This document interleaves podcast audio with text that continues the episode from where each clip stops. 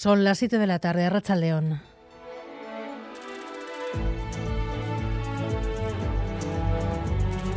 Gambara con Arancha García.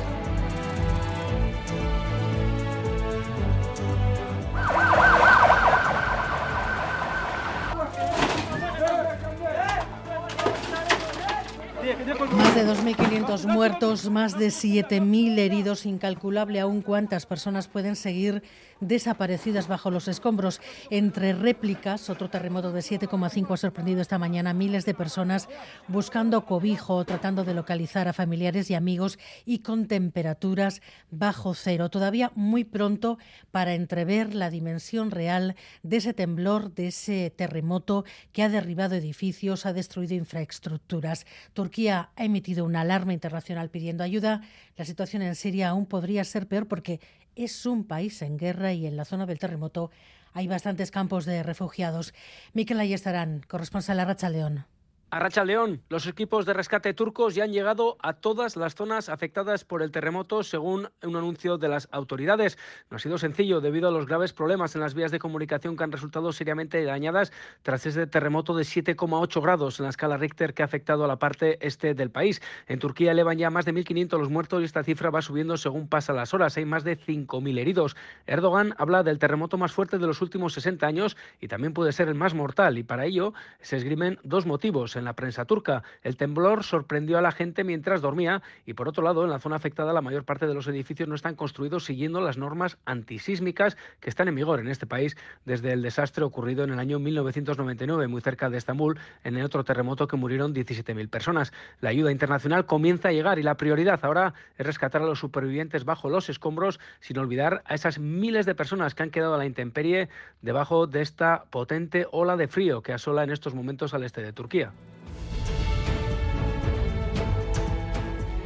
Pues esa es la prioridad informativa de este lunes. También el PSOE que cambia la ley del solo sí es sí sin sus socios de gobierno y sin tener asegurada una mayoría que lo apruebe. Bueno, pues lo que hacemos es aumentar las condenas y acotar, reducir la horquilla de esas condenas para que sean más ajustadas y, por lo tanto, para que a partir de la entrada en vigor de esta ley las condenas sean mucho más correctas. Cuando se plantean subtipos que ponen en el centro la violencia la intimidación, puedes llamarlo como quieras, pero efectivamente estás volviendo al modelo anterior y estás volviendo al Código Penal de la manada. Mm, nuestra obligación ahora pasa por defender el consentimiento. Se abre un periodo de, de, enmiendas en el que seguiremos hablando y seguiremos intentando que haya acuerdo. Por eso, el Partido Popular, que no pretenda darnos lecciones de ningún tipo. ¿Cómo es posible que el Partido Socialista ni tan siquiera se avenga a sentarse con el Partido Popular o a modificar con el Partido Popular una ley de estas características? ¿Pero qué es esto? Vamos a esperar a conocer el contenido de la iniciativa presentada por el Partido Socialista.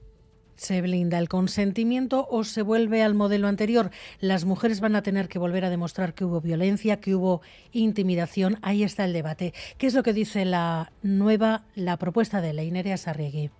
Pues cambia varios apartados de la ley del solo sí es sí para endurecer las penas de prisión a los agresores en los casos en los que haya habido violencia o intimidación. Añaden un subtipo. Si una agresión ha sido violenta, la pena será más alta. Los cambios son pequeños, uno o dos años más de cárcel. Lo que no se toca es la definición del consentimiento. Se mantiene como estaba, pero introducir esa necesidad de que exista violencia para endurecer las condenas supone para igualdad apartar el consentimiento del eje. Es, dicen, volver a forzar a la las mujeres a demostrar en los tribunales que se resistieron, que las dañaron.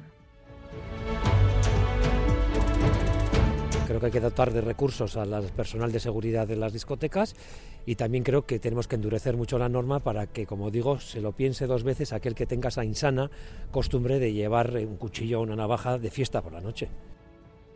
El alcalde de Gasteiz, tras la última agresión con navajas este fin de semana en una discoteca, pide que se endurezca la ley. El acusado, un joven de 21 años, ha pasado esta tarde a disposición judicial acusado de intento de homicidio.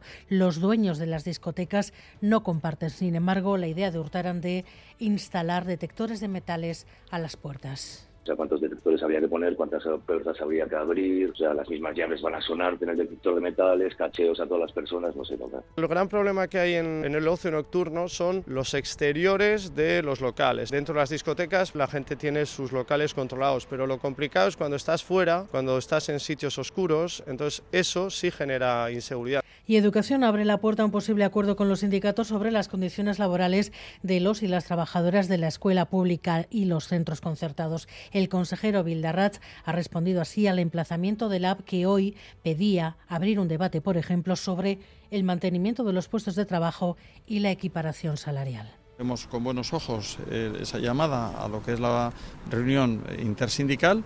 Veremos, tenemos que hablar, tenemos que seguir hablando, tal como estamos haciendo ahora, con todos los sindicatos para eh, ver dónde está la madurez eh, y cuándo se puede convocar esa mesa intersindical para poder, poder trabajar sobre diferentes aspectos y poder llegar a un acuerdo. Pero nuestra voluntad es máxima eh, en la búsqueda de ese diálogo. Por primera vez, además, un tribunal ha reconocido el COVID persistente como accidente laboral.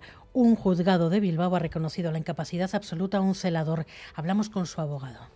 Haber conseguido esta victoria judicial, incluso que la sentencia sea ya firme, pues es algo que, como digo, no te devuelve a tu estado anterior, pero sí que nos consta que está muy muy satisfecho porque al final bueno es una persona que decide eh, pues eh, abrir esta, esta batalla y, y, la consigue ganar. ¿no? Y en carreteras, precaución en el corredor de Chorierri, Sondica, dirección Arleches, un camión averiado está obstaculizando la calzada y precaución también en la avanzada en Leyoa, sentido Sopela.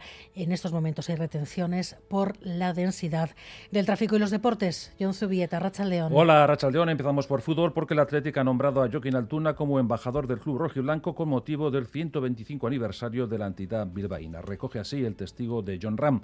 En cuanto al fútbol femenino, Jorge Bilda ha convocado para la selección de España a Ollane y Vivian del Athletic, Lete de la Real Sociedad y Oroz del Real Madrid. El motivo, la disputa de la Copa de Naciones en Australia del 13 al 22 de febrero. En pelota, Joshua Skioz eh, va a sustituir por lesión a Ander Imaz en el campeonato del Mano Parejas. De momento, jugará con Lasso este fin de semana en Marquina ante el Orde y Zabaleta. Y por último, el frontón de Vizcaya está cogiendo ahora un acto de la Diputación Foral de Vizcaya de reconocimiento de deportistas que promueven el uso del euskera.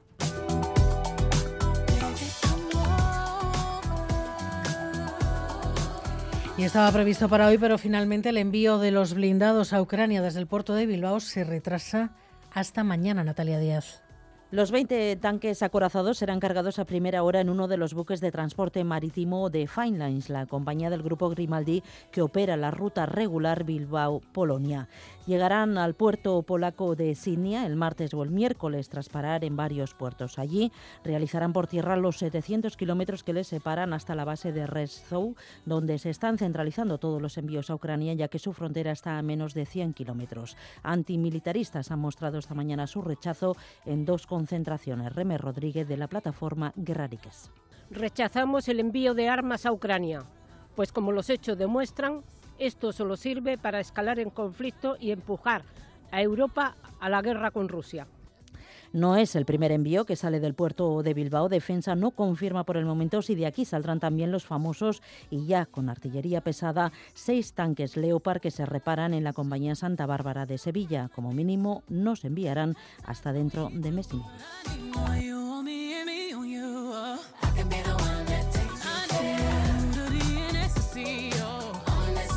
Miguel Ortiz y Asier Aparicio están en la dirección técnica, Cristina Vázquez en la producción.